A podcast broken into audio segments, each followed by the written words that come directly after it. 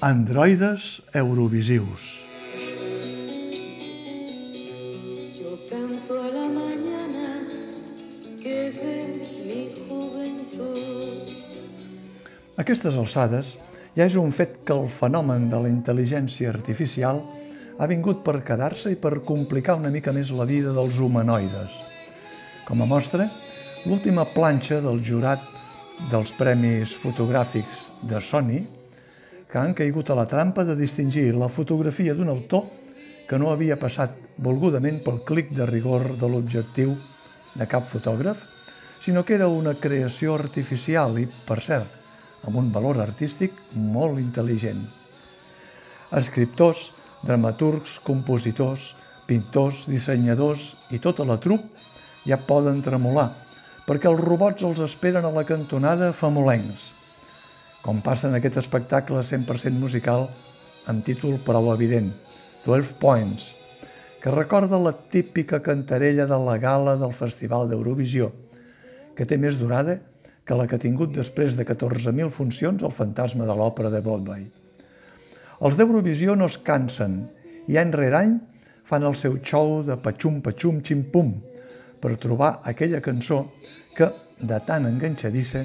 passarà a la història dels hits musicals. Però el que no saben és que el compositor de totes les cançons guanyadores del festival ha mort i que el certamen s'ha d'ajornar fins a una nova data o fins que el jove de 31 anys seleccionat a través d'un algoritme entri al laboratori musical secret de l'Euromusic Society i encerti la fórmula Eurowin per saber quina és la nova cançó triomfadora. I allò que podria semblar d'entrada un concert antològic amb totes les peces guanyadores per a plaer dels fans del festival, es converteix en un concert teatralitzat envaït per quatre androides més eurovisius que els vidells del Parlament de Brussel·les, que ajudaran o potser li complicaran la vida al jove maestro que batalla amb les tecles, els sintetitzadors, l'escala musical i les claus de l'aplicació GarageBand de l'Apple per aconseguir la cançó que guanyi més points i es proclami guanyadora. Els quatre androides són, esclar, els actors i cantants Javier Duc, Esther Penyes, Marc Pocciello, que ha estat substituït per Carlos Polido, Laura Dazza i Didac Flores, el jove maestro. Tots ells, veterans ja del musical, aquí blancs immaculats, amb alguna altra sorpresa de vestuari, sempre amb ulleres 3D de coloraines, i que es posen al servei d'un popurri eurovisiu del qual els títols i els anys els espectadors els poden seguir en les successives projeccions a les quatre grans pantalles de la sala, on abans també ha aparegut també el líder de la secta musical, l'Euroní, per anunciar la defunció del vell maestro i coordinar el laboratori. Una aportació, la de la cantant Nina, que intervé virtualment, però que va ser també la convidada d'una de les funcions en directe on va poder cantar novament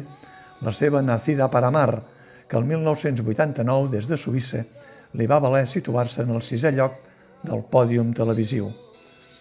L'espectacle és d'aquells que aixeca l'esperit, anima els cossos, fa picar els peus a terra i el que fa la nostàlgia. Fins i tot si la plateia té una mitjana d'edat alta, provoca que alguns s'animin a corejar o seguir algunes de les peces en moviment de braços i em sembla que fins i tot encendrien les lots dels mòbils si no fos per allò que cal que estiguin apagats. El muntatge és del que fa suar la cancel·lada als cinc intèrprets. L'encadenament dels diversos fragments de les desenes de cançons que hi apareixen, cal recordar que el Festival de la Cançó d'Eurovisió se celebra des del 1956, és d'un ritme de musical frenètic, però gens carregós. Sembla increïble que es pugui fer un recorregut de més de 60 anys en 90 minuts sense caure rendits en l'intent. Però ho fan, i amb nota alta, amb una interpretació musical de primera fila, en algun cas millorant els originals, i aportant també un repàs històric musical que entendreix els més grans i deixa al·lucinats els més joves, sobretot en un temps que competicions de televisió com Eufòria han remogut el panorama del musical en tots els sentits. Doncs això, la, la, la, i el que deia la Maciel, todo en la vida es como una canción, te cantan cuando naces i també en el adiós.